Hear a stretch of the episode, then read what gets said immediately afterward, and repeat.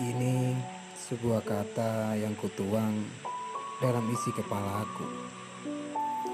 Biar jauh membentang, biarlah rindu tahu ke mana ia akan pulang. Berkali-kali tentang kata kerinduan, bahkan aku tak bosan-bosannya membicarakannya.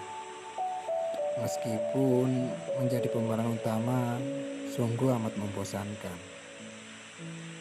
Jarak dan ruang itu tercipta untuk sebuah doa. Lalu kenapa rindu menjadi penawar? Lantas rasa rindu yang bergejolak dalam hati bermunajat. Bermunajat doa kepada Sang Pencipta, menyudahi hukumannya kepada aku.